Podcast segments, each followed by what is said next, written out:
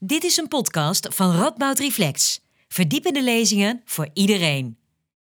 Welkom, dames en heren. Welkom bij deze avond van Radboud Reflex in samenwerking met het Titus Brandsma Instituut hier in Nijmegen.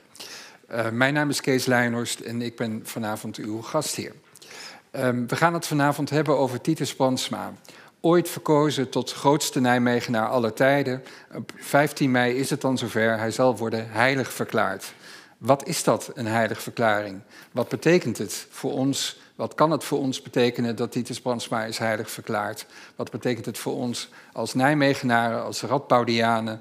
Um, uh, wie was Titus Brandsma? Waarom is hij heilig verklaard? Allemaal vragen waar we het vanavond over gaan hebben. Uh, we doen dat met drie sprekers. Om te beginnen Christophe Lutti, hoogleraar geschiedenis van de filosofie aan de Radboud Universiteit. Peter Nissen, emeritus, maar laatstelijk hoogleraar Ecumenica, ook hier aan de Radboud Universiteit. Inigo Bokke, hoogleraar mystieke theologie aan de KU Leuven, docent hier in Nijmegen en verbonden aan het Titus Brandsma Instituut. Maar alvorens we aan het programma beginnen, is het woord aan Herman Westerink, wetenschappelijk directeur van uh, Titus Brandsma Instituut. En hij gaat het hebben over een bijzondere publicatie. Herman, de floor is yours. Dank je. Ik neem aan dat hij het nu doet. Ja. Um, beste aanwezigen, um, voordat we ons gaan bezighouden met de vraag wie Titus Brandsma was, waarom hij heilig wordt verklaard en wat hij met name ook voor deze universiteit heeft betekend en voor Nijmegen, heb ik als wetenschappelijk directeur van het Titus Brandsma Instituut de eervolle taak het boek Titus Brandsma van held tot heilige. Ik zal het even ophouden, maar u heeft het misschien al zien liggen daarvoor. Um, dit boek aan de voorzitter van het college van bestuur van onze universiteit, Daniel Wigbolders, aan te bieden. Dit boek is tot stand gekomen met het oog op de heiligverklaring door een gezamenlijke inspanning van de faculteit van Filosofie, Theologie en Religiewetenschappen het en het Titus Brandsma Instituut. En zij werden daarbij ondersteund door het college van bestuur, bisschop van Den Bosch, Gerard, monseigneur Gerard de Korte, en door de orde van de broeders en zusters van onze lieve vrouw van de berg Karmel, kortweg de Karmelorde.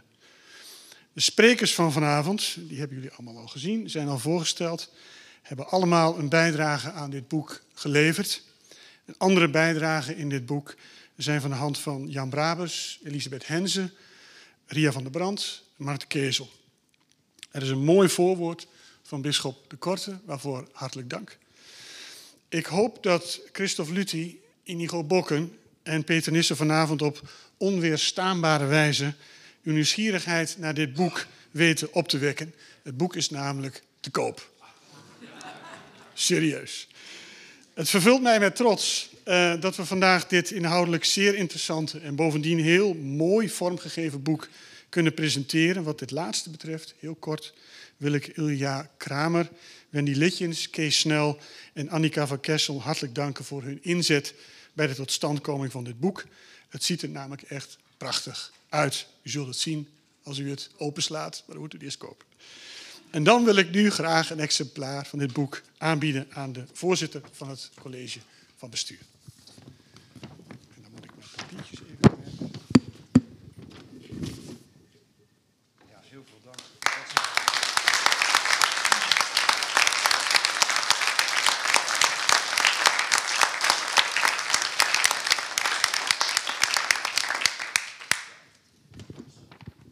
Ik grijp toch de kans om heel kort wat te zeggen namens het college van bestuur. Het, het, het, het doet ons heel erg goed om dit boek uh, hier in bijzijn van u allen in ontvangst te mogen nemen.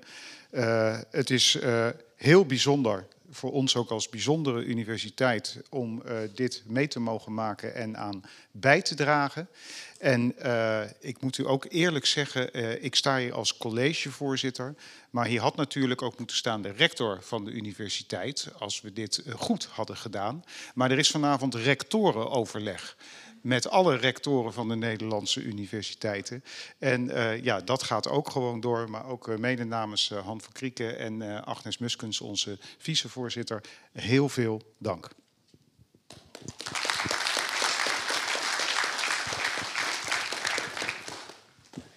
Dankjewel. Ehm, maar voordat we aan het gesprek beginnen, ehm, kunt u zelf actief worden, thuis en in de zaal. En we gaan namelijk een word cloud doen. Wat is een word cloud? Ik heb het ook nooit gedaan, dus ik, ik doe alsof ik van alles af weet, maar het is, helemaal niet waar. Um, een word cloud is dat u uh, via Menti, en als het goed is, gaat dat uh, verschijnen achter mij. Um, uh, maar in ieder geval, mensen thuis kunnen dat al doen. Via menti.com kunt u antwoord geven op de vraag wat is jouw eerste associatie bij Titus Brandsma? Wat is je eerste associatie bij Titus Brandsma? Dus even als einem Goes, huppakee. Um, via menti.com gebruik uw mobiele uh, uh, device.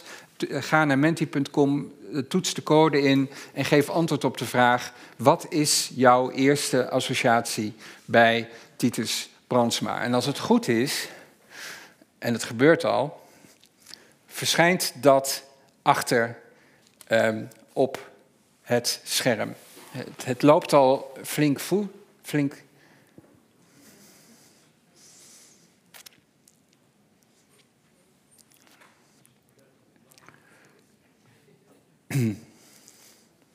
Ik geef hem nog even de tijd, hij is nog aan het lopen.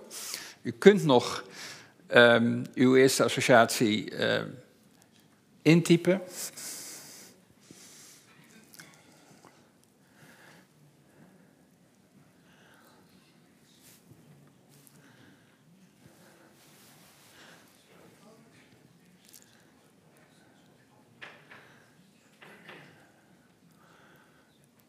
Nou, hij is nog aan het lopen, maar uh, we kunnen een eerste analyse hier toch wel op loslaten. Heel groot verschijnt Nijmegen. Titus Brandsma verbinden we met de stad Nijmegen, blijkbaar. Dat gaan we, gaan we het vanavond ook over hebben, in hoeverre hij daarvoor belangrijk is. Verzet, verzet um, daarmee bedoelen we, wordt waarschijnlijk bedoeld verzet tijdens de Tweede Wereldoorlog tegen de Duitse bezetter. Gaan we het vanavond ook over hebben filosoof. Dat was een, een van de onderdelen, van vijfdelige onderdelen van zijn uh, leeropdracht. Uh, verzetsheld vind ik ook. Uh, priester natuurlijk. Mystiek gaan we het vanavond um, um, over hebben. Um, Friese boerenzoon, niet te vergeten, daar kwam hij vandaan. nou, en zo gaat het nog even door. Moed zie ik, Um, dat is denk ik een belangrijke als we gaan kijken naar in hoeverre kan Titus Brandsma van inspiratie zijn voor ons uh, nu. Uh, um, nou, dan heb ik de belangrijkste geloof ik wel gehad. Um, u mocht nog doorgaan, maar we beginnen het gesprek. Christophe, hoe word je heilig? Hoe word je heilig? Um, ik was een beetje bang dat die vraag zou komen.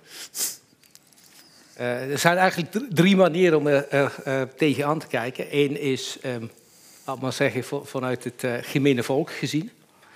Um, Titus was eigenlijk al in de tijd dat hij in gevangenschap zat, of in Amersfoort, of dan in Kleef of in Dachau, waren mensen die hem ontmoeten. En, en, en je ziet in getuigenissen al het woord heilig. Daar is iets wat hem uh, sterk en, en, en, houvast in een geloof en, heilige uitstraling. Dus daar heb je een, bijna volkse uh, um, um, opvatting van wat heilig is. En daar is al um, in de, uh, tijdens de Tweede Wereldoorlog eigenlijk al een, een, volksverering ontstaan omtrent Titus Brandsma. Een van de onbegrijpelijke dingen van de Duitsers waren dat ze altijd als, toen hij al in Scheveningen, toen hij eh, reeds in Scheveningen zat, heeft, mocht hij bezoek krijgen en zijn geschriften eh, de deur uit eh, laten gaan. Mhm. Maar ook toen hij uiteindelijk stierf in Dachau, werd gewoon aan zijn um, familie zijn, um, al zijn bezittingen, maar ook de geschriften overhandigd. Die werden al in de oorlog eigenlijk verspreid. En toen ontstond een volks verering. Met eigenlijk een soort van santo subito gevoel van dat is iemand die zou heilig moeten worden. Dus, dus het eerste perspectief. Het tweede is weer het Vaticaans perspectief, namelijk uh, dat zijn heel precieze regels uh, van uh, hoe je waaraan je moet voldoen om op die lijst te komen. Want het is uiteindelijk een lijst van, van wie um, um, in dat Martyrologium Romanum zou mogen staan. Dus, daar staan ongeveer 7000 namen op. En dan moet je heel een parcours aflopen. Mm -hmm. en, Kun je iets over dat parcours zeggen? Wat, wat, wat zijn zo de stappen? Ja, goed, om heilig te worden moet eerst zalig zijn. Dus dat is, dat is een eerste stap. En daar zijn in de, in de regels die nu gelden, die komen uit de jaren zeventig, um, um, moet je om zalig te worden, um, in, in het geval van Titus Brandsma bijvoorbeeld, moet je, uh, moet je een martelaar zijn geweest, een geloofsmartelaar. En dan om heilig te worden moet er tenminste nog één wonder zijn verricht als je voor, als martelaar op die lijst terecht bent gekomen. Mm -hmm. En dan zijn eigenlijk vanaf het moment dat iemand zegt er is een wonder gebeurd, dus iemand zegt ik heb iets meegemaakt wat, uh, wat, uh, wat ik als wonder beschouw, dan zijn er eigenlijk tien stappen die moeten worden genomen tot het moment wat de paus in de liturgie dan zegt je komt op die lijst te staan. En dat is wat op 15 mei gaat gebeuren? Dat is stap 10. In, in, dat is stap 10? Ja, dat is stap 10. Oké. Okay. Maar de eerste is natuurlijk, ja, dat is een vader Driscoll, um, een, een karmeliet uh, uit, uh, uit het bisdom uh, Palm Beach. En die had, had huidkanker. En um, mm. hij was heel devoot, heel toegewijd aan Titus Brandsma. En het moeilijke dan is, hij, hij, hij, hij is genezen en, en ik denk twaalf jaar na zijn genezing werd de procedure geopend. Maar dan moet je bewijzen twee dingen, namelijk dat het, uh, um, dat het geen natuurlijke genezing kon zijn. Het tweede wat je moet bewijzen, dat is echt heel mo moeilijk als je die do documenten bekijkt. Je moet bewijzen dat je je uitsluitend tot Titus Brandsma hebt gericht. Want als je zegt heilige Rochus, of weet je, heilige Antonius, heilige Cornelius of wat dan ook, en ook nog zalige Titus Brandsma, mm -hmm. dan geldt het niet. Mm -hmm. Dus je moet, en dat is echt een moeilijke bewijsvoering. Mm -hmm. en, en, en, waar vind je een arts die zegt dat dit een wonder is? En wat is eigenlijk een wonder? Kun je dat...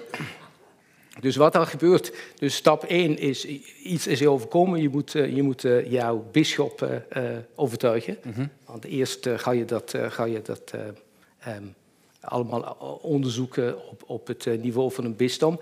En pas als de, uh, de bisschop zegt, dat lijkt me een kans te maken gaat en naar Rome wordt het vertaald, dan komen alle andere, andere stappen. Mm -hmm. uh, de artsen hebben op twee momenten invloed, namelijk in het bisdom en dan opnieuw in Rome. En die, moet, die mogen niet zeggen of het een wonder is geweest. Het enige wat ze mogen zeggen is, dat kunnen wij natuurwetenschappelijk niet verklaren. Want zij, de artsen, die gaan over de geneeskunde. Mm -hmm. En daarna pas gaat het naar de theologen, die moeten zeggen dat zou um, Titus Brandsma is de soort van persoon uh, geweest die um, in aanmerking komt om als bemiddelaar bij zo'n wonder uh, mm -hmm. uh, op te zijn getreden. En, en, wat is een wonder? Is een wonder wat, wat mensen seculier toeval noemen? Of wat, wat, hoe, hoe, hoe zou je dat kenschetsen? Ja, de, ja, de officiële, de officiële um, definitie is toch dat de, orde, de natuurlijke orde van de natuur wordt doorbroken. Mm -hmm. Dus de, ja, dat zijn natuurlijke processen, die gaan hun gang. En dan is een moment waar ja, de godheid ingrijpt en dan wordt het als het ware onderbroken. Mm -hmm. ja. En dan, ja goed, dat is dan de grote strijd tussen protestanten en katholieken. Heb je daar, heb je daar bemiddelaars voor nodig die daar optreden? Um, de protestanten zeggen, richt je direct tot, tot God. Ja. Wat God, het is dus niet je zegt weliswaar, zegt uh, heilige Antonius, uh, mijn lieve vriend, vriend maakt dat ik mijn sleutels vind. Mm -hmm.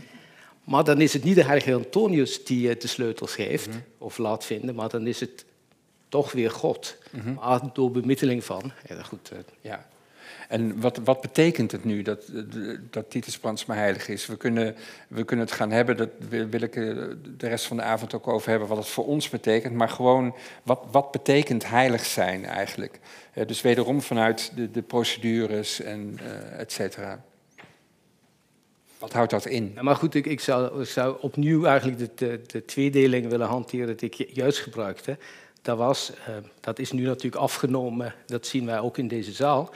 Maar dat was een, een diepe en heel uh, sterke volksverering. En dan is dit natuurlijk gewoon het bewijs dat ja, dit, is de, dit, is, dit, dit is een voorbeeld voor ons geweest. En nu is dat ook goedgekeurd, mm -hmm. als het ware. Mm -hmm. um, wij zien dat natuurlijk bij elk standbeeld en bij elke um, heldenverering. Alleen dat het natuurlijk hier eh, ja, een transcendentale waarde heeft. Het is niet alleen een voorbeeld, maar hij is als het ware nog steeds een, ja, een, een handelend wezen. Dus da, da, daar, wordt het dan, da, daar komt het uh, religieuze niveau. Dus het is niet, het is niet um, zoals een standbeeld van Willem van, van Oranje, die kunnen wij nog steeds bewonderen en zeggen, hij is voor ons een voorbeeld, als wij monarchist zijn of zo. Maar um, bij Titus Brandsma is het natuurlijk wel zo dat als je in, het, uh, in de metafysische laag gelooft, dan is hij. Dat, is namelijk, dat, is, dat, dat moet ik misschien even toevoegen. Heel vaak wordt vermoed dat de Vaticaan iemand tot heilige maakt. Mm -hmm. Maar dat is, uh, strikt genomen is dat niet waar. Hij is er al. Hij is namelijk in de aanwezigheid van God. Mm -hmm. En het enige wat het Vaticaan doet, is bevestigen. We hebben voldoende bewijs om aan te nemen dat dat ja. ook zo is. Ja. Dus, maar goed, opnieuw, um, dat is natuurlijk. Uh, je kunt met Titus Frans maar heel seculier omgaan en zeggen. Um, een buitengewoon dappere man in een oorlogstijd. Je kunt hem zelf inspannen tegen nepnieuws.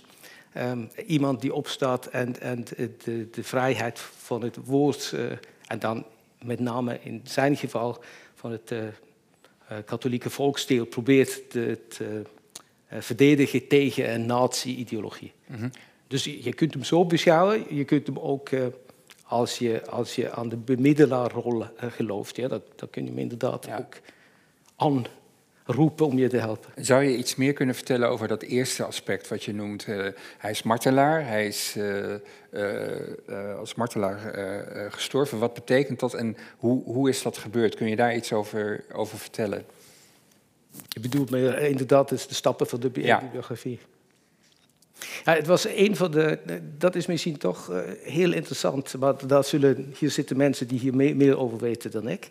Maar het Nederlandse episcopaat was in zijn geheel eigenlijk dapperder dan um, uh, de collega's in andere landen, met name Italië, Duitsland, la, laat staan uh, Kroatië, Slovenië enzovoort. Hier, hier, was toch een soort van verzet. Um, en Dieter Spransma speelde daar een rol in. hij was onder andere, hij had ongelooflijk veel functies, daar zullen wij zonder meer nog, nog iets over horen. Maar eentje was adviseur in um, ten opzichte van de katholieke pers. En de aartsbisschop De Jonge had aan Nederlandse kranten al 1935 verboden om NSB-advertenties te plaatsen. En nadat de Duitsers uh, Nederland hadden bezet, probeerden de, de Duitsers dit te doorbreken. Uh, en daar werd eigenlijk um, um, door de bezetter werden de katholieke bladeren verplicht om die NSB advertenties uh, en, en ja, oproepen en zo te, publiceren. Um, Titus Brandsma werd naar uh, uh, Utrecht geroepen en, en, zij hebben afgesproken dat eigenlijk de beste actie zou zijn als Titus Brandsma langs alle bisschoppen en alle Nederlandse kranten zou gaan om een soort van um, overeenstemming te vinden die niet al te fel was, want men was bang dat de Nederland, dat, Duitse bezetters de Nederlandse kranten zouden sluiten, de katholieke eh, bladeren. En tegelijkertijd toch één front. En ja, goed, hij werd verraden als het ware door, uh, ik weet niet meer welke plaatsje, dat weet misschien uh, Jan Brabels hier. Stem van het Zuiden of zoiets. Maar goed, het, op een zeker moment werd hij opgepakt, eigenlijk omdat, omdat hij dit. Um, ja, um, ja, hetsen, nazi-hetsen mm -hmm. en zo. Mm -hmm. Uh, goed, en dan, dan, dan, waren er heel veel stappen. Het ene was, was wat toen uh, um, Hotel Oranje werd genoemd, het, uh, dat onderzoeksgevangenis in Scheveningen, waar hij op een heel indrukwekkende manier probeerde zijn, zijn cel tot een soort van karmelitaanse ja, cella te, te, mhm. te veranderen. Mm -hmm. En in, die, in die, die, die, interviews die hij gaf, of die, die gesprekken die hij voerde met die, die Hauptbahnsturmführer of zo, die, die haardegen, was die gewoon ongelooflijk uh, um, uh, fel en duidelijk. En hij zei ook, het Nederlandse katholicisme is bereid om martelaren te produceren, maar wij gaan niet, uh, wij gaan niet toegeven. Mm -hmm. Dus het dan wel goed, als hij niet toegeeft, dan, word je, dan werd het eerst Amersfoort, zes, zeven weken. Dan nog een keer terug om te zien of hij was bijgedraaid. Was hij niet. En dan via Kleef naar Dachau. En goed, uh, Dieter was 61 jaar oud. 54 kilo, heel licht. Uh, geen goede gezondheid. Ja, dat, dat lukt niet lang om dat te overleven. Nee. En is inderdaad in Dachau ja. overleden. Ja. ja. Um, misschien een vraag voor, um, voor jou, Peter. Um, hij was hoogleraar hier en uh, toen nog de Katholieke Universiteit uh, Nijmegen. hij was ook een, is rector geweest. Kun je iets zeggen over zijn rol, eerst maar als, als hoogleraar? Wat voor een soort hoogleraar was Titus Brandsma? Wat voor een soort hoogleraar was Titus? nou, hij, uh, hij was vanaf de oprichting van de universiteit hoogleraar hier met een uitgebreide leeropdracht, het is al vermeld. Uh, voornamelijk op het gebied van de filosofie, dus uh, deed de filosofiegeschiedenis behalve die van de Grieken en de Romeinen. Uh, dat deed Victor Sormani, de vader van de oprichter van het Sormani-fonds, waar ik voorzitter van mag zijn. hij de natuurlijke godsleer, natuurfilosofie. en dan het, het het vijfde onderdeel, dat was het onderdeel dat hem het meest dierbaar was. Dat was de geschiedenis van de mystiek, in het bijzonder de Nederlandse mystiek. Maar hij had dus voornamelijk colleges te geven op het gebied van de filosofie.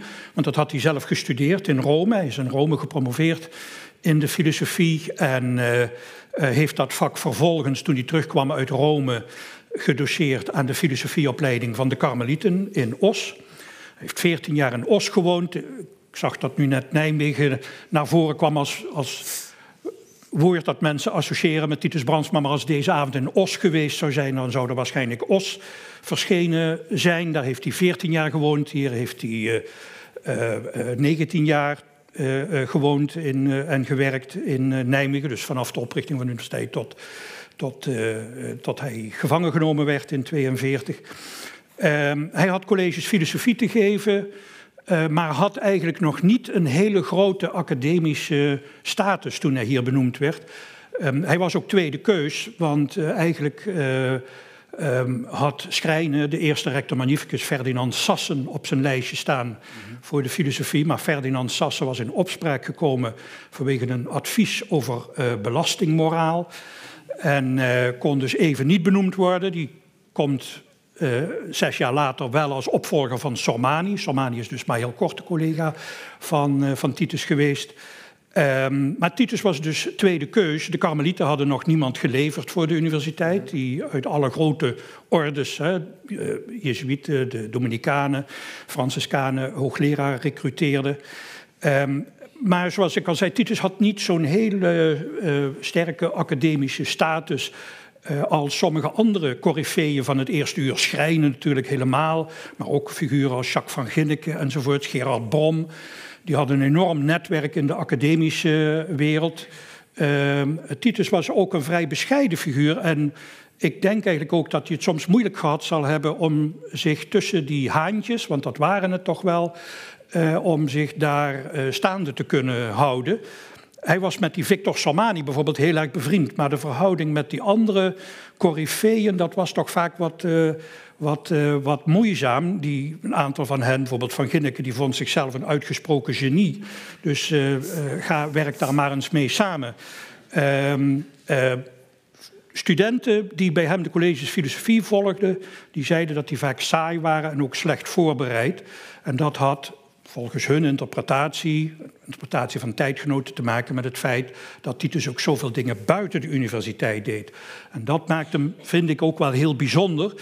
Uh, Titus was iemand die op het punt van valorisatie, nu een toverwoord aan de universiteiten, zijn tijd ver vooruit was. En dat kwam omdat Titus. Uh, kijk, volgens mij is Titus gewoon heilig omdat hij deugde. Er ging nogal veel aandacht naar dat wonder. Uh, ik denk het eigenlijke wonder is dat van een mens die boven zichzelf weet uit te stijgen, boven zijn eigen belang weet uit te stijgen. En dat die, die kunst, zal ik maar zeggen, die verstond Titus. Dus als er een beroep op hem gedaan werd, kon hij moeilijk nee zeggen. En dat leidde ertoe dat hij van zoveel katholieke organisaties uh, adviseur was, dat hij het hele land doortrok om te spreken. En de voorbereiding van die colleges, uh, die, die, die leed daar wel eens uh, onder. Hè. Godfried Bomans heeft hem beschreven als de enige mysticus op het Europese vasteland met een spoorwegabonnement. Titus was heel veel onderweg en kon geen nee zeggen als er een beroep op hem gedaan werd. En uh, ik, ik, zie eigenlijk de kern van zijn heiligheid daarin. Uh, kijk, zo'n wonder, ook in de Romeinse procedure, is dat tamelijk ondergeschikt. Er zijn drie dingen die echt belangrijk zijn. Uh, voor het verklaren, zoals Christophe terecht zei, dat iemand heilig is. De kerk maakt iemand niet tot heilige, maar verklaart het is legitiem om iemand als heilige te vereren.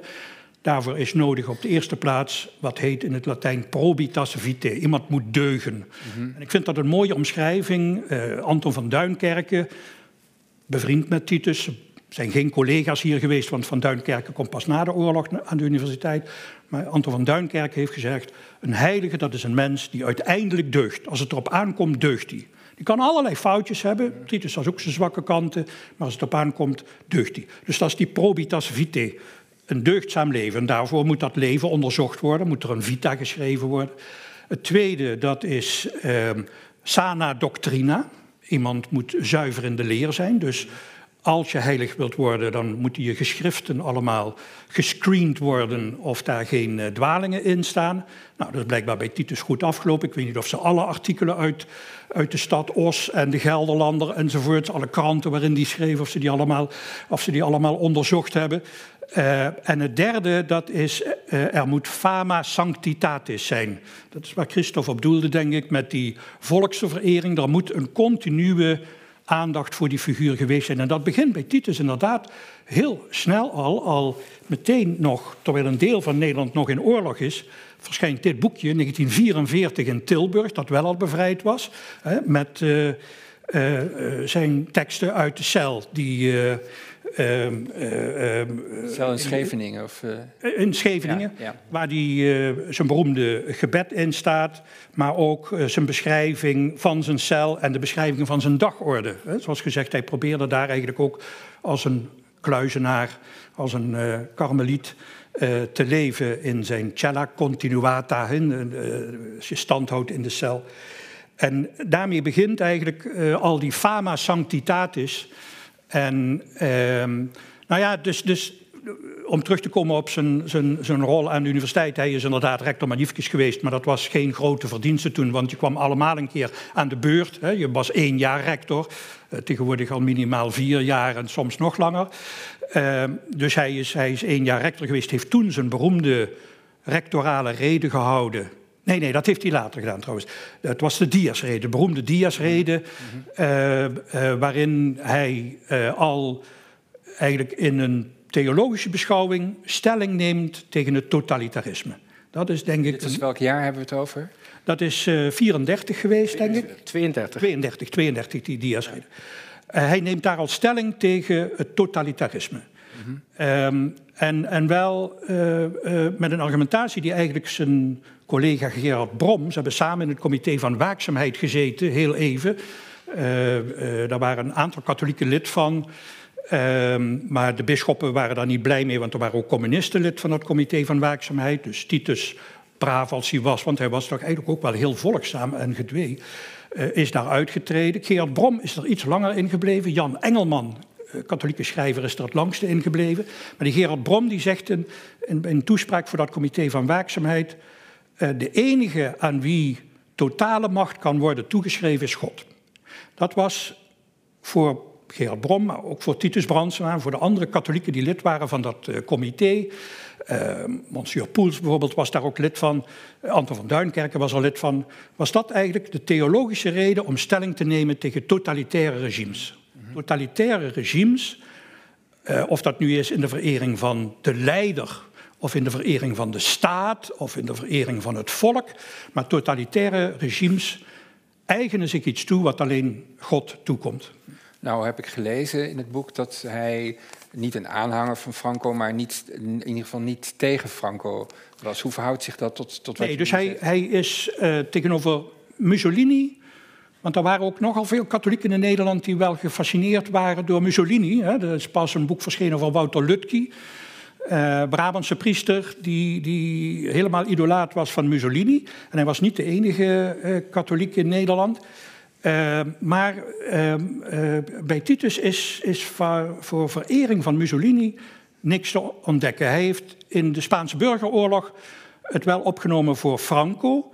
En dus niet voor de, de, de, de, de, de, de, revolutionaire strijders, zeg maar.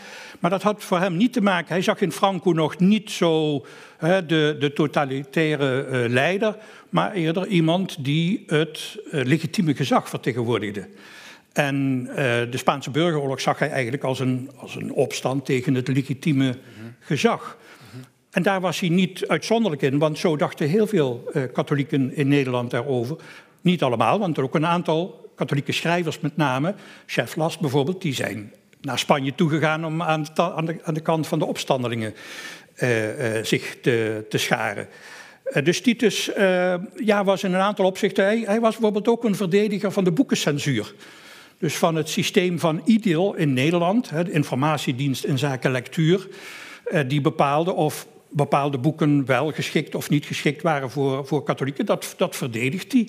Nou ja, dat verdedigde ook een groot deel van, van uh, de katholieken in Nederland. Een aantal schrijvers en intellectuelen niet. Maar die konden zich dat misschien ook wat makkelijker permitteren uh, om, uh, om daartegen stelling te nemen. Anton van Duinkerken moest er niks van hebben, van die, en ook niet van de index, de Romeinse index van, van verboden boeken. Ja, Titus heeft, en dat vind ik eigenlijk het, het, het boeiende aan hem, ehm, Titus laat zien dat ook iemand met zwakke kanten een heilige kan zijn. Want iemand kan zijn die, als het er uiteindelijk op aankomt, als er een beroep op hem gedaan wordt, deugt. Iemand die dan zijn rug recht houdt. En dat heeft, uh, dat heeft Titus gedaan en dat maakt hem groot, vind ik. Dus hij is denk ik in de geschiedenis van de universiteit niet de meest uh, spraakmakende geleerde, iemand die grote school gemaakt heeft. En zijn naam leeft eigenlijk vooral voort door, daar weet Inigo heel veel van, het werk dat hij gedaan heeft om hand, foto, foto's te verzamelen van handschriften met Middel-Nederlandse mystieke teksten. Dat is uiteindelijk het Titus Brandsma Instituut ook min of meer uit voortgekomen. De Titus Brandsma collectie, dat was een, een zuster Veuge die dat dan allemaal uh, inventariseerde en die foto's inplakte in die albums enzovoorts. Um, uh, en, uh, maar, maar heel grote monografieën waar die internationaal furore mee maakte, heeft Titus eigenlijk niet geschreven. Of, of artikelen, kijk, nu tel je niet mee als het niet in een Engelstalig A-journal, refereed A-journal uh, verschijnt. Mm -hmm. Nou, dat, dat, dat, speelde in Titus zijn tijd ook nog niet, maar dat heeft hij ook helemaal niet gedaan. Titus heeft heel veel gedeeld met mensen die een beroep op hem deden, ook op, een beroep deden op zijn kennis. En schroomde niet om, om dus heel veel tijd te steken in artikelen voor vrome tijdschriften, hè, Karmelrozen, eh, voor kranten. Hè. Is, toen hij een Osleraar was, ook daar begonnen met een weekblad. Heeft later voor de Gelderlander heel veel geschreven. Um, uh, ja, hij vond zich niet te geleerd of niet te hoog of niet te voornaam om zijn kennis niet te delen met mensen die daar een beroep op deden en uh, die, uh, die hij daarmee ook kon helpen. -hmm. dus hij, dat... In hoeverre paste dat in, in, in, in het beeld, in het idee, het ideaal van die katholieke universiteit, opgericht in 1923? Ja. Um, uh, het speelt een belangrijke rol in de emancipatie van het katholieke ja. volksdeel. Zou je kunnen zeggen dat hij die emancipatiegedachte heel erg serieus heeft genomen? Zeker, en, en dus ook heel erg doordrongen is geweest van het bewustzijn dat die universiteit er gekomen is ten dienste van de katholieke gemeenschap, ten dienste van die achterban. Dus het, het, het, ging hem niet om eigen roem of om eigen status of internationale faam in de, in de wetenschappelijke wereld.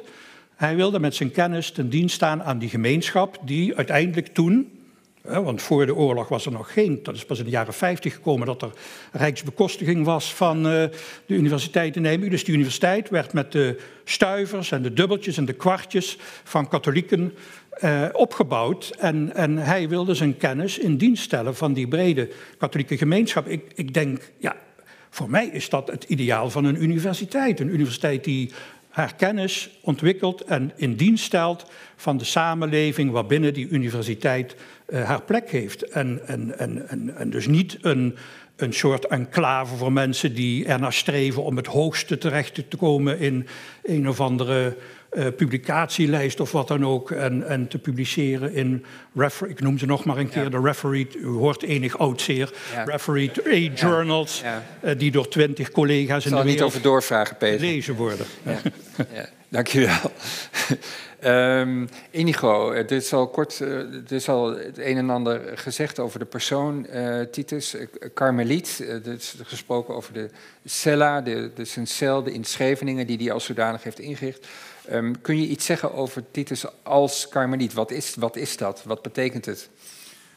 Ik moet een beetje oppassen wat ik zeg. Als de provinciaal van de Karmelieten uh, mij beluistert, zal ik maar zeggen. Vele mensen die uit de praxis beter weten wat het is om karmeliet te zijn. Maar ik denk dat het wel waar is dat een sleutel om, om het leven van Titus te begrijpen, uh, zijn, zijn, biografie, maar ook zijn, zijn wetenschappelijk werk, uh, is volgens mij dat hij een Friese karmeliet uh, was. Mm -hmm. die, die twee aspecten die zijn volgens mij de sleutel om, om, om ja, al zijn handelingen te, te plaatsen, zeg maar.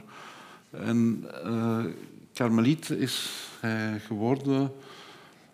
Uh, dat sterke vermoeden heb ik uh, door de lectuur van Teresa van Avila. Teresa van Avila is degene die hem op dat spoor heeft gebracht. Dat, dat, als jongeling leek het er toch op dat hij eerder Franskaan zou worden. Alles sprak daarvoor. Hij heeft toch die keuze gemaakt. En dat Teresa van Avila is van de...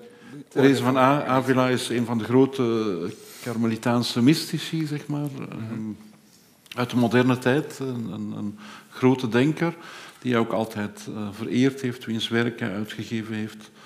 Uh, uh, vertaald al als jonge novice. Um, en en dat, dat, dat speelt in, in, in alles een rol. Ook in wat Peter zo mooi beschreven heeft, hoe zijn hij zijn wetenschappelijk werk ook uh, onder gewone mensen wilde krijgen, zeg maar. Dus uh, het, het, het, publiceren in, in die e-refereed journals um, interesseerde hem minder, um, hoewel Sasse ook heel weinig in dit soort tijdschriften geschreven heeft. Zeg ik maar even, en Sasse lelijke dingen over Brand ja, ja, ja, gezegd. Maar hij, heeft, hij, was niet veel beter. Um, maar juist dat idee, de studie van, van, uh, van de mystiek, ook voor een breder publiek. Uh, in, in kranten, in de Gelderlander, uh, meer dan 150 artikelen. Ik zie ze nu niet meer zo verschijnen in de Gelderlander, maar gedegen. eigenlijk um, om die kennis mee te delen. En, en dat um, aspect, uh, dat, dat heeft zeker te maken met zijn, met zijn roeping tot karmeliet. Karmeliet, uh, diegene die uh, in het spoor treden van, van die woestijnmonniken, zal ik maar zeggen, die op de berg Karmel God gingen zoeken. en, en, geïnspireerd door, door Elia, die in een bries God ervaren heeft. Mm -hmm. Dus echt kluizenaars eigenlijk. Mm -hmm. Um, die door de omstandigheden, de conflict met de moslims, verdreven werden van de berg Karmel en in, in de steden terechtkwamen. Uh, dat is heel interessant om, en, en eigenlijk in de stad, je zou kunnen zeggen in, in de praktijk, in het maatschappelijk leven, uh, de contemplatie gingen opzoeken. De berg Karmel opnieuw zoeken. De berg Karmel is daar waar de karmeliet is. -hmm. Uh, de woestijn in het midden van de stad. Uh, de eenzaamheid te midden van heel veel mensen. En dat heeft uh, Titus Brandsma eigenlijk um, meteen gegrepen, ook als, als jonge novice, wanneer hij bevriend geraakte met zijn leermeester Hubertus Driessen, de, de echte intellectueel op dat moment van de Karmelorde, filosoof over Kant en Schopenhauer gewerkt. -hmm. En uh, met z'n tweeën hebben ze eigenlijk uh, ja, de Nederlandse Karmelprovincie uh, gemaakt, hervormd, bijna hervormd. Bedoel, zo noemden ze het natuurlijk niet, maar ze wilden die Karmelorde op de kaart zetten. heel veel andere ordes en, en gemeenschappen waren, waren, al bezig met maatschappelijke debatten. Met name over de, hoe gaan we met, met de arbeidersklasse om, de sociale leer. Hoe moeten we onze maatschappij gaan herdenken? Um, daar is Steve Brandsma er toch uh, in geslaagd om dat in termen van, van de karmel te denken, zeg maar. En, maar in termen van de contemplatie in de actie, in de maatschappij. Ja, maar dus het is, je zegt het is het opzoeken van de woestijn, het is het opzoeken van de bergkammer, maar dan in de stad. Ja. Ehm, maar dan is er dus een moment dat je, dat je uit die woestijn gaat en onder de mensen gaat. En, uh, hoe, hoe, hoe, hoe, verhouden die twee zich tot elkaar? Want dat, dat lijkt tegengesteld aan elkaar. Ik, ik denk dat hij wilde de woestijn bij de mensen brengen, zeg maar. Die mhm. ervaring uh, van in, uh, zoals hij dat noemt, in Gods aanschijn te staan. Want in de woestijn of in de donkere nacht heb je geen andere belangen meer, zal ik maar zeggen. Want dat is, dat is eigenlijk wat, wat de mystiek is, wat de contemplatie is geen andere belangen meer hebben dan gezien te worden door God, gezien te worden zoals je bent, wie, wie je eigenlijk bent, zeg maar. Zoals mhm. God je wilt, wat, zoals je ernaar verlangt, zeg maar. En dat, dat wilde hij brengen bij de mensen. Dus, en, en daarom krijg je inderdaad hele... Daarom zegt hij inderdaad ook, zoals we al gehoord hebben, uh, de cel in Scheveningen was de eerste cel waar hij eigenlijk echt... Uh, echt die karmelitaanse cel vond. En dat was omdat hij zo met, met een, onvoorstelbare energie en, en, gedrevenheid, op het obsessieve af zou ik zeggen, uh, de woestijn naar buiten wilde brengen. Of het nu was bij de journalisten, of het nu was bij de Esperantisten, waar hij ook heel actief voor was. Uh, of het nu was uh, in het apostolaat van de eenheid, of het was, zoals ik een lezing vond, eh, in het archief voor het, de katholieke brei- en naaivereniging in Arnhem, zeg maar. Zo, uh, nee, dat... dat um, ja, niets was te min. Niets was te min en, en altijd weer met diezelfde boodschap. Niet in de zin dezelfde boodschap, maar dezelfde dynamiek. Um, uh, hoe, hoe vind je het goddelijke in het praktische leven, in waar mensen mee in het breien en naaien, uh, in, in het journalist zijn, in het onderwijs, ook niet vergeten. Het onderwijs is heel belangrijk. Uh, hoe laat je mensen daar groeien? Want contemplatie voor hem, uh, of mystiek, is eigenlijk, zoals Teresa had hem geleerd, want daar waren we begonnen, zeg maar, bij Teresa van Avila. hoe kun je boven jezelf uitgroeien? Hoe kun je, wat hij aan Teresa toeschrijft, je natuur vervolmaken. Dat gebeurt soms met, met miserie en lijden en, en afzien. Zelfs meestal, maar daarin uh, is er groei. Mm nou, was hij niet alleen zelf mysticus, dit is al genoemd, ook uh, uh, door Peter. Um, het, het Titus Brandsma Instituut, waar jij zelf medewerker van bent, gaat terug op een verzameling van mystieke geschriften verzameld door Titus. Maar kun je iets over die activiteit vertellen? Uh, ja, daarmee moet ik even relativeren de, de vraag, was hij zelf mysticus? Mm -hmm. ik denk dat Titus Brandsma zelf niet blij geweest zou zijn met die vraag. De, de, mystiek is eigenlijk iets wat, wat bij ieder mens present is. Natuurlijk, de, de grote mystieke schrijvers zien dat beter, zeg maar. Zien beter wat hij noemt hoe het goddelijke achter het menselijke verborgen is, zoals hij het noemt. Uh, en, en daardoor onderscheiden zich mystieke schrijvers dat ze daar gevoel voor hebben, dat ze in alle ellende die ze meemaken uh, dat, dat doorzien. Um, dus in die zin uh, is het voor hem van belang, van belang om ja, dat, dat we de teksten ontsluiten waarin juist die dynamiek iets van kunnen leren. Zeg maar. Voor hem uh, is de geschiedenis van de mystiek, trouwens, dat is ook interessant, los van die kwestie met Sassen, maar de, de, geschiedenis van de mystiek is een geschiedenis van scholen die eigenlijk in een, ingebed is in de filosofiegeschiedenis. Mm Dus daar vind ik hem ook heel origineel. mystiek, mystieke schrijvers zijn, zoals hij noemt, de bloemen die bloeien in de tuinen van, van die grote filosofische scholen uit, uit de middeleeuwen tot, tot in de moderne tijd, tot vandaag. En daarom vindt hij het, hij vindt het van belang om dat wetenschappelijk bloot te leggen, die teksten, uit die scholen, ehm, met als voornaamste doel, wat kunnen we er vandaag mee? Uh, dus uh, het is geen, uh, niet om hoge punten te scoren in Peters... Uh, Free Journals, ja, daar heb je ze weer.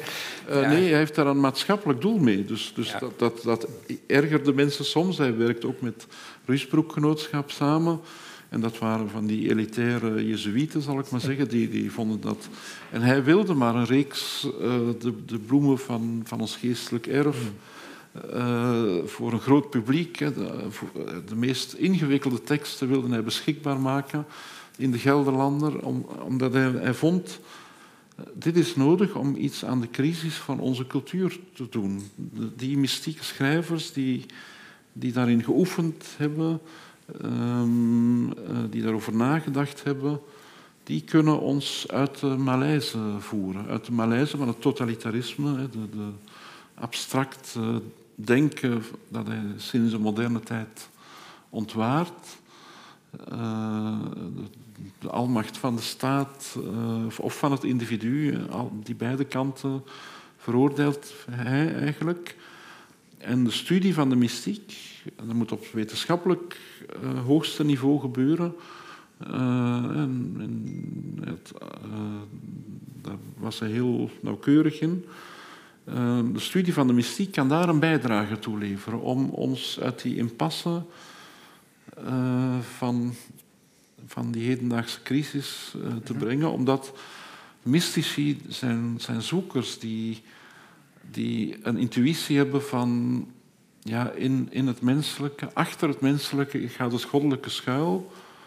Hoe moeten we dat laten bloeien? Dus het bloeien van bloemen is een, een beeld dat in al zijn tekst uh, naar voren treedt. Dus dat en, en hij heeft daar, denk ik, uh, uh, dus ik, ik wil Peter hier een beetje relativeren, vooral Sasse relativeren. Die, die, um, het valt best mee met zijn wetenschappelijke prestaties. Hij heeft uh, op dit vlak ook gepubliceerd in een tijdschrift als Ons Geestelijk Erf. Dat was in die dagen toch, en nog steeds, een, een gezien wetenschappelijk tijdschrift. Mm. Uh, ik heb zelf ervaren met strenge reviewing en zo, dus, eh, maar ik heb het gehaald. Ik uh, maar daar, daar... Ik ben een van de reviewers voor ons geestelijk. Ja. Nu, nu, begrijp ik het pas. Ja, dat, Ik wist dat jij het was, maar ik dacht ik... nee, maar... Ehm, dus, dus het, het, viel wel mee met... Uh, mag ik u vast? Ja, jij mag een vraag Mag ik u vast, Lanigo? Vertel toch misschien even aan het publiek... Wat jij net vertelde over, over de mystiek en de manier waarop hij die bestudeerde om ze ook weer toe te passen. Mhm. Misschien is het mooiste voorbeeld natuurlijk die, die preek op het appelkistje in, in kamp Amersfoort. Op die Palmzondag. Ik denk dat is echt een, een, een, een, een misschien hoogtepunt in de, in het algemene beeld dat wij hebben van. Goede Vrijdag was het. Goede Vrijdag, Goede Vrijdag sorry, sorry, 1942. Ja. Uh, je zou kunnen zeggen dat dat uh, is eigenlijk het, het, moment waarop het allemaal samenkomt, zal ik maar zeggen. Waarop zijn studie van de moderne devotie, van de mystiek, van de leidersmystiek, ook in zijn leven gerealiseerd wordt eigenlijk. Dus kamp Amersfoort.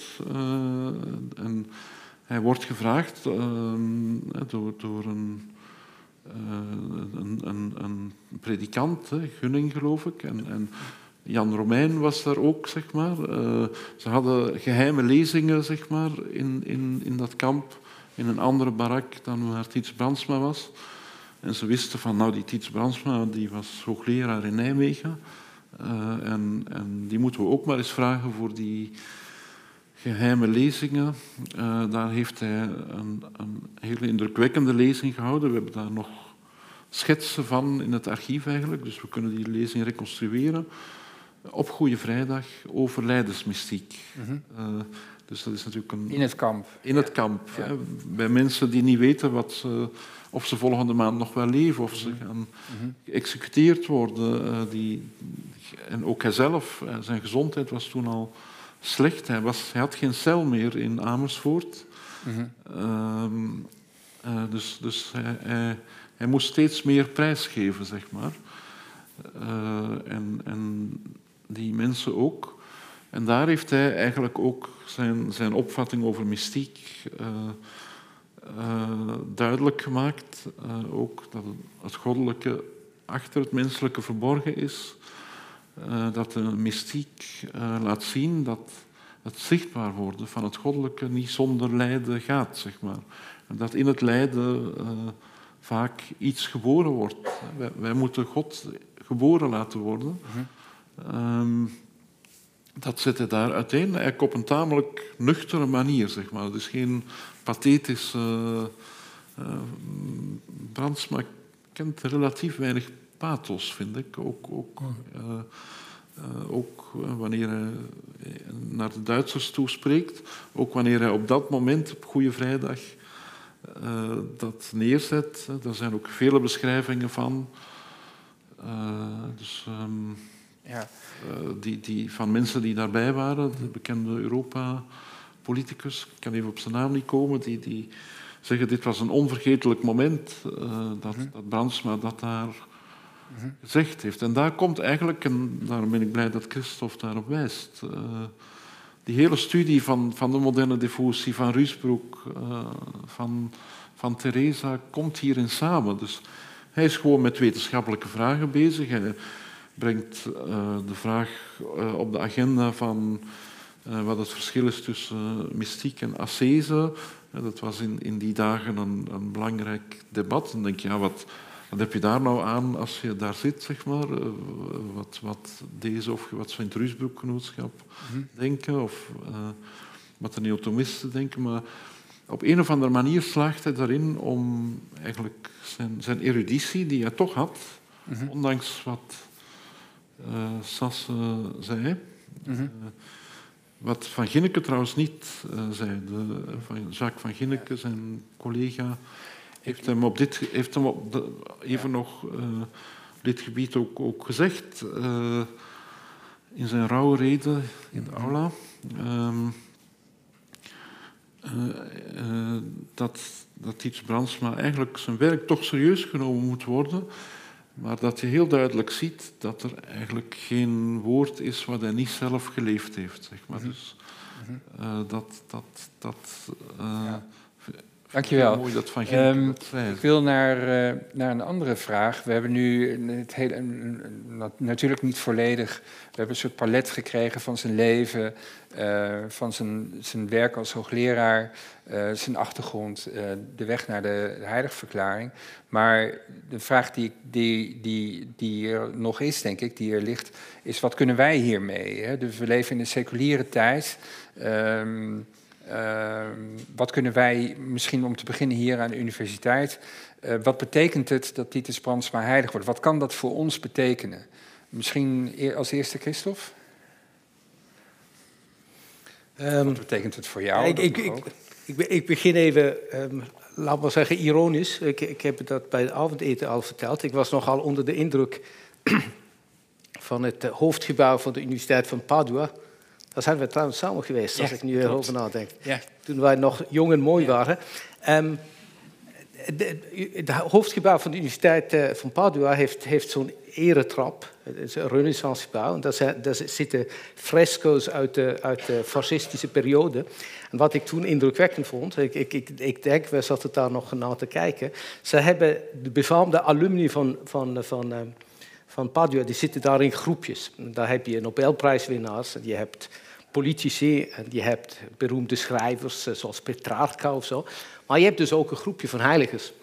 En ik, ik, ik, ik, ik weet niet veel of jij dat was, maar ik zei, ja, het zou chic zijn als wij dat ook hadden. Mhm. En nu kunnen wij dat doen. En nu kan uh, Daniel feitelijk op weg naar het uh, bestuursgebouw niet alleen de twee Russische Nobelprijswinnaars en de vier premiers laten schilderen, maar ook Titus Brandsma. Nou goed, dat is, dat is een beetje flauw. Um, Kijk, wat, wat mij opviel vandaag, ik heb gezien dat de congregatie ehm, voor de zaak de Heilige, van de Heilige heeft, heeft de website een beetje aangepast over Titus Brandsma. En ze benadrukken nu heel erg het feit dat hij een schrijver was in tijden van oorlog. Mhm. Uh, dus onbuigzaam de waarheid willen verkondigen uh, uh, en, en, en, en, tegen een, ja, wat wij nu netnieuws zouden noemen, of, of nog sterke ideologieën waar wij het eerder vanavond over hadden. En het is natuurlijk wel een, een, ehm, op, de, op, een, op een moment waar de Oekraïense vlag waait op onze campus, is dat helemaal niet een verkeerde heilige om te hebben. Mhm.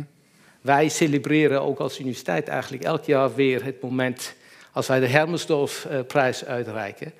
Um, voor moedig uh, werken in, de wetenschap. Wij vieren aan deze universiteit heel nadrukkelijk als deel van ons, uh, onze morele opdracht dat je in momenten van, uh, van, van nood en ja, toch ook van, van waar de waarheid onder druk komt te staan, waar je, dat je ja, de moed moet hebben om daar tegen in te gaan. Ook ja, als moed, moed kwam al in de, in de wordcloud ook naar voren. Hè? Ja. En ik denk, in, in, in, kijk, als je door die lijst gaat van, van, van, uh, van heiligers, dan... Uh, ja goed, uh, Peter heeft over een, een andere die op 15 mei ook wordt heilig verklaard. Foucault heeft die, heeft die geschreven. Er zijn ook andere voorbeelden daar. Maar heel veel van de heiligers zijn niet per se voorbeelden voor een academisch leven. En, en, wat wij vanavond hebben gehoord is natuurlijk wel uh, een combinatie van uh, uh, dapperheid, eigenlijk die ongelooflijke eerlijkheid die hij altijd liet zien. Bijna een, een onhutsende, bijna een kinderlijke eerlijkheid richting iedereen. ja, dat is... Dat, is, dat, dat, blijft, dat blijft een soort van richtinggevende manier. Ja, dat zou een voorbeeld kunnen zijn. Ja, ik, daarom ben ik eigenlijk ja. gefascineerd geraakt. Ja, Peter, hoe, hoe, het is antwoord, hetzelfde vraag. Ja, ja dus ik, ik zie Titus als een uh, voorbeeld op uh, vooral twee terreinen. Dat is dienstbaarheid, ook voor onze universiteit. Ik denk, uh, alle universiteiten willen tegenwoordig de beste zijn. Ik zou zeggen, probeer een goede universiteit te zijn. Hoeft niet per se de beste te zijn, beter dan andere universiteiten in hetzelfde land of waar dan ook. Maar probeer een goede universiteit te zijn. En dat is volgens mij een universiteit die dienstbaar is met haar kennis dienstbaar is aan de samenleving. Dat is één punt. En het tweede is, wat Christophe ook al heeft aangeduid, en dat maakt hem nu in deze weken actueler dan ooit, dat is het opkomen voor uh, vrijheid en waarheid. He, wat hij, dat is hem noodlottig geworden. Het feit dat hij al die krantenredacties op verzoek van de aartsbisschop uh, heeft bezocht om uh, ze op het hart te binden dat ze niet hun berichtgeving moeten laten eh, sturen door de bezetter eh, in dat geval. In dat geval. Nou ja, we, zien wat er nu in Rusland gebeurt, waar, het woord, uh, waar woorden verboden worden. Het woord oorlog mag niet meer gebruikt worden. Dus ik weet niet, als je nu naar de boekwinkel gaat en je wilt het beroemde boek van Tolstoy kopen, vrede, ja. of je dan speciale militaire operatie en vrede uh, moet zeggen. Of misschien is het woord vrede zelfs ook al verboden, ik weet het niet. Maar Titus is in dat opzicht, denk ik, uh, een, een, voorbeeld bij uitstek nu hè, van uh, verzet tegen uh, de, de, verering van een leider, van een totalitair regime en de, de, de, inperking van de vrijheid van spreken. En ook dat, in dat opzicht denk ik dat hij voor een, voor een universiteit, voor een academische gemeenschap, een, een, een, groot voorbeeld kan zijn. Ja, Inigo, is dat voor jou? Wat, wat betekent het voor jou dat uh, je werkt bij het Titus Brandsma Instituut. Wat betekent voor jou persoonlijk dat Titus Brandsma heilig wordt verklaard? Wat, wat, wat, wat betekent dat voor je? Nou, ik vind het een bevestiging dat een instituut als het Titus Brandsma Instituut uh, een, een, een, een, heel uh, visionaire manier van werken heeft gehad altijd. door, door te durven, ook in een tijd dat er door de Sassen-types ja. werd op neergekeken, uh, te durven in de samenleving te staan uh, met, met, vanuit de mystieke traditie, zeg maar. Dus, dus dat, dat vind ik... Um, uh, en, en, nu begint de universiteit ook over valorisatie zo'n beetje te spreken. vaak nog met te weinig die mensvisie, die die mystieke visie die daarachter zit. en ik denk dat, dat dat heel belangrijk is. Um, dus dat, dat is voor mij als wetenschapper belangrijk. De reden waarom ik altijd waarom ik bij het Tiets Bransma Instituut ben gaan werken, om juist daarom. Uh, heel belangrijk voor mezelf persoonlijk uh, is ook um, dat ik dat ik hoop dat we ja, de kerk kunnen gaan herdenken vanuit die mystieke traditie, vanuit de tradities van ordes en congregaties, uh, scholen van denken, zoals Titus Brandsma ze noemt. Um, uh, ja, om de transformatie waarin we nu zijn, uh, om die door te zetten. Om te zeggen van, kijk, dat, daar, daar kan Titus Brandsma volgens mij echt iets voor mij als heilige iets betekenen. Kun je daar een voorbeeld van geven? Hoe, hoe werkt dat? ik... Um, uh, ik denk wanneer we. Uh, um, en als ik over de kerk spreek, dan gaat het over de katholieke kerk, maar eigenlijk over alle mensen die daarmee verbonden zijn en, en, en breder. en ja, dan zitten we toch met vragen: hoe, hoe passen wij in deze samenleving, zeg maar? Ehm, ik denk dat we van uh, dat Titus Brandsma een leraar uit het religieus leven is, zal ik maar zeggen. Vanuit de Karmel school, maar ook vanuit de andere, de Jezuïeten, uh, andere stromingen. Um, uh, daar, daar, spelen hele andere tradities mee, die Titus Brandsma als de mystieke traditie neerzet, zeg maar. Contemplatie en actie. en ik zou er sterk voor pleiten. Ook, we hebben hier een, een theologische uh, faculteit, net zoals in Leuven, ook, ook om Titus Brandsma hierin als, als, een, als een oriëntatiepunt te, te gebruiken. Zeg maar. Mhm. dat, en dat, dat hoort ook bij deze universiteit, lijkt me, en haar traditie. Maar ik denk dat Titus Brandsma als uit die scholen komend uh, daar echt een voorbeeld van kan zijn. Oké. Dankjewel. We gaan uh, naar vragen. En om te beginnen uh, vragen van... Ja, ik moet een extra bril opzetten. Het is uh, lachwekkend, ik weet het. Ehm, en wie wil die software update? Dat willen we niet. Ehm, je, kunt, um, je kunt thuis uw vragen stellen via menti.com. toets de code in die in beeld verschijnt. En dan komen de vragen, als het goed is, terecht hier... Ik zit even te kijken. Uh, ik vind hier één vraag. Uh, ik zit even te kijken.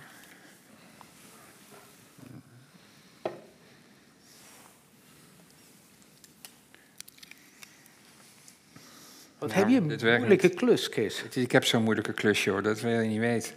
Um, nou, ik vind hier nog even vragen niet. Weet je wat, we gaan lekker naar jullie toe. Uh, het is goed met die, uh, met die menti. Uh, Anders moeten hier vragen uit het. Vragen uh, die jullie hebben aan de sprekers. Ehm, hier heb ik een vraag. Ja, er komt een microfoon naar je toe, pas op. Mijn stem best goed verstaan. Ja, maar dan kunnen mensen thuis ook nog wat volgen. Ja, met zoveel deskundigheid uh, vind ik het wat lastig om die vraag te stellen. Dan moet ik me natuurlijk heel bescheiden opstellen. Maar met name die, die mystiek en die relatie tussen die vele artikelen vind ik zo boeiend bij Titus Brandsma. Want jij, Inigo, je gaat nog, eh, en jullie zijn allemaal zo het verzet en het lijden en dergelijke. Maar ik heb zelf het gevoel dat hij een heel groot voorbeeld is en daar is, is die, die club in Arnhem uh, heel belangrijk in. Dat hij in het dagelijks leven heeft geprobeerd mensen middels mystieke elementen tot God te brengen. En dat vind ik zo actueel aan hem, want dat geldt ook heel erg voor onze tijd. Herken je dat? Of, want jij legt nogal de nadruk op het lijden. Maar ja, dat proefde ik. Dat heb ik misschien niet goed gedaan. Maar ik vind het, het krachtige dat je in het gewone leven mystiek inbrengt om tot God te komen. En herken je dat als ik dat als vraag stel?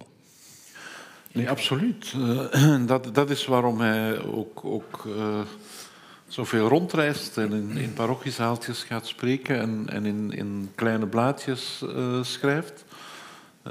Dat wil. Ik, ik, wilde ook niet te veel. Ja, kijk, het lijden speelt ook in het dagelijks leven een rol, zal ik maar zeggen.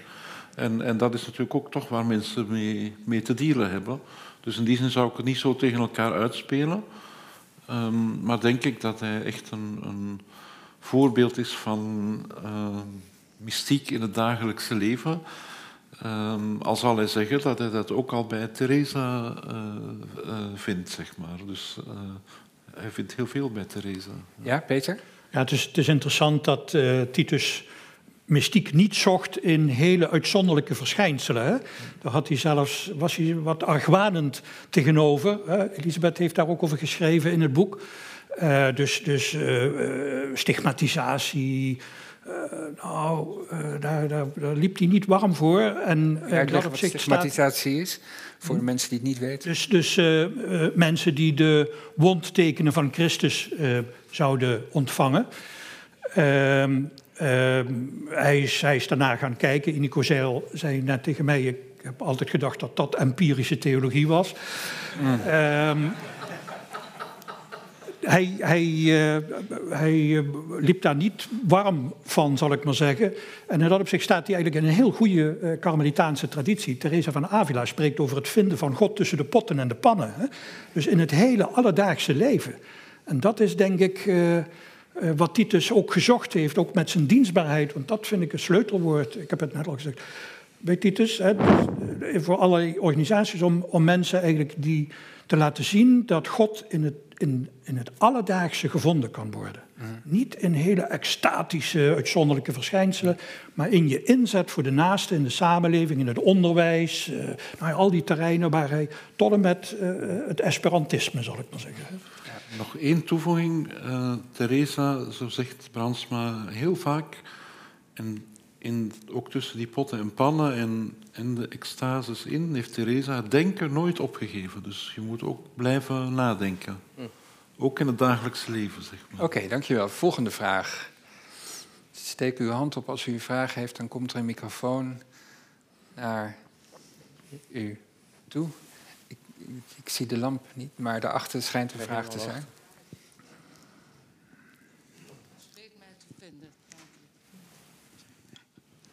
Ja, ik had even een vraag. Ik ben bij de zaligverklaring geweest van Titus in Rome. Ik zat in een orkest, heerlijk gespeeld. Duurde wel erg lang, drie uur. Maar ik vroeg me af, er was toen een advocaat van de duivel. Dat was Pater Monulfus Gemmeke, een karmeliet. En nu, ja, nu dacht ik, de aanloop nu naar de heiligverklaring, is daar nog een tussen periode geweest, werd er weer allemaal bekeken van kan die wel heilig verklaard worden? Of is nou hij zalig verklaard, dat is voldoende. Hup. Mm Christophe. Ah, ja, ja. Ik, ben op wonderlijke manier uitgegroeid tot een kenner van al die regels. Ik weet niet. Uh... er, er, ligt een vloek nou, op mij. Nou, je bent het nu, dus go. Het antwoord is nee, want die, die uh, defensor fidei, dat is de officiële titel van die advocaat van de duivel, die wordt vooral ingeschakeld op het moment waar je moet kijken of iemand zalig wordt. Want daar zijn de punten die Peter eh, Nissen noemde eerder, namelijk heeft, is die een vir probatus, heeft hij een soort van leven gevoerd dat God zou kunnen behagen. Dat is al bij de zaligverklaring is dit dus, dus uh, uh, afgevinkt. Dus goed leven. Dus deze keer was het vooral de geneesheren, vijf artsen die moesten kijken of dat wonder anders kon worden, of, of die genezing anders zou kunnen worden verklaard. En daarna bij de theologen ging het heel snel. Dus uh, omdat het was al duidelijk dat hij de, de, een deel was geworden van de ere van de altaren. Dus die, die, die rol heeft hij niet meer. Weet ik dat goed? Ja, dus de, de, de procedure is getrapt hè, dus, en, en ze is uh, vereenvoudigd uh, onder paus Johannes Paulus II. Want in strikte zin is Titus niet als martelaar heilig verklaard. Want als hij als martelaar erkend was, zou er geen wonder nodig zijn. Dat is bijvoorbeeld bij Edith Stein gebeurd. Hè. Uh, dus in het geval van martelaarschap kan er een uitzondering gemaakt worden van dat vereiste van een wonder. Vroeger was het zo, dus je, had, je hebt een procedure in het bisdom, waar de heilige de grootste tijd van zijn leven geleefd heeft, en daarna een procedure in Rome. Die, bij Titus is dat nog allemaal begonnen volgens het oude regime. Dus het, het diocesane-proces is van 1955 tot 1957 gevoerd in het bisdom uh, Den Bosch. En daarna, uh, in de oude procedure gingen dan al die stukken gingen naar Rome en daar werd alles nog een keer overgedaan. En daarin speelt dan ook die zogenaamde advocaat van de duivel een rol, die eigenlijk alle mogelijke tegenvragen moet, moet opwerpen. Hè, om te voorkomen dat men iets over het hoofd gezien heeft. Dus dat is eigenlijk uh, ja, wat, wat in, de, in de logica en de, filosofie ook gebeurt. Hè? Als je, uh, de summa van Thomas van Aquino is zo opgebouwd. Hè? Dus je hebt een, een stelling en dan ga je mogelijke stellingen daartegen inbrengen om dat uh, te toetsen. En dan was er vroeger, uh, waren er twee wonderen voor de zaligverklaring vereist. En dan werd voor de heiligverklaring de procedure eigenlijk nog eens grootdeels overgedaan. En dan waren er ook nog eens twee wonderen nodig die na de zaligverklaring op voorspraak van die heilige gebeurd waren. Paus Johannes Paulus II heeft dat allemaal vereenvoudigd, jaren 80, ik weet niet meer precies, 83 of zo geloof ik. En uh, uh, dat betekent dat er nog maar één wonder nodig is voor de zaligverklaring.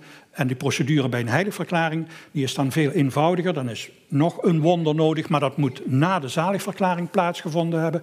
En een heel belangrijk criterium bij de uh, promotie van zalige tot heilige, het is een beetje van de eerste divisie naar de eredivisie zal ik maar zeggen, is dat die heilige, die kandidaat heilige niet maar lokaal of regionaal vereerd wordt, maar dat er over de hele wereld verering voor is. En dat is bij Titus het geval. op de Filipijnen, en, overal waar karmelieten gezeten hebben. Kijk nu maar even naar Hupwelsen, vind je ook wel uh, verering voor, uh, voor Titus. Hè? Als je uh, in Rome over de vierde conciliazione naar de Sint-Pieter loopt, is daar aan je rechterkant ook een karmelietenkerk met een mooi altaar, ook voor Titus. En uh, in verschillende kerken in Rome ben ik Titus al, al, al tegengekomen. Dus, dat, uh, dus die procedure is, uh, is een stuk eenvoudiger. En die advocaat van de duivel is eigenlijk om te voorkomen dat de commissie iets over het hoofd zou zien wat later als, als bezwaar ingebracht zou kunnen worden. Oké, okay, mag, ik, mag, mag ik nog Ja? Dit, dit is namelijk wel een heel fascinerend uh, verhaal. Die, zoals Peter Nissen zei, die, die, de, de, de, Nederlandse bisschoppen waren allemaal heel sterk voor die zaligverklaring. En dus dat was afgerond in 1957. En dan was die, die advocaat van de duivel was een Spanjaard. En die heeft dat echt bijna 15 jaar vertraagd. En het punt was, die, die Spanjaarden hadden moeite met het feit dat je dan een, een, een slachtoffer van een, van een, van een ideologie uh, zalig zou verklaren, terwijl dan al die priesters in de Spaanse burgeroorlog, die ook waren vermoord omdat ze priesters waren, niet heilig zouden worden verklaard. Dus is, is dat niet, is dat niet het, het, uh, deur uh, wijd openen voor al die mensen die in de 20e eeuw in de verschillende ideologische constellaties om het leven zijn gekomen? En dat, was, uh, dat is een interessante... Onder die Spanjaard is zich gewoon niet gevorderd.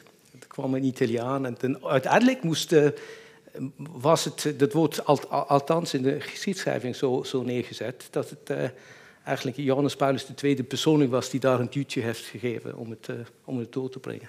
Oké. Ik zeg alvast dag tegen de mensen thuis... Um, we nemen afscheid van jullie, want wij gaan hier naar een film kijken die jullie niet mogen zien vanwege rechten. Um, En uh, zo is dat nou eenmaal. Ja, kom naar de zaal. Dus uh, dan moet je maar naar de zaal komen.